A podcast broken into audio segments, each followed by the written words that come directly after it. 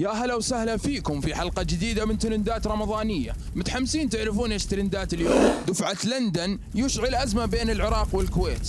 تسبب مسلسل دفعة لندن في أزمة بين العراق والكويت ووصل تصدائها إلى البرلمان العراقي بعد أن اتهم عراقيون بمحاولة تشويه بلدهم وهو ما نفاه مؤلفة العمل ووزارة الإعلام الكويتية.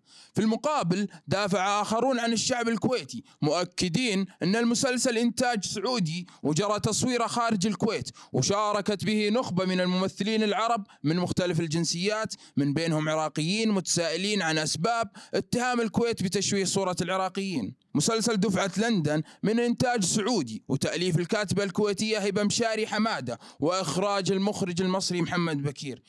يروى المسلسل قصة مجموعة من الطلاب العرب المغتربين اللي يدرسون الطب بإحدى الجامعات لندن في فترة الثمانينيات ويحمل كل منهم أفكارا وقناعات ومبادئ مختلفة عن الآخرين. كيف كان المسلسل معك؟ جعفر العمدة وفلتر سناب شات.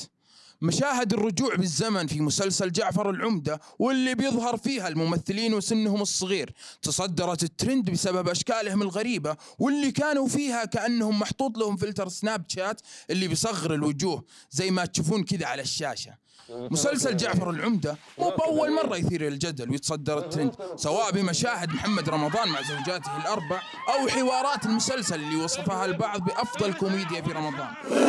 انفعال محمد سعد على الممثلين في مسلسله الجديد.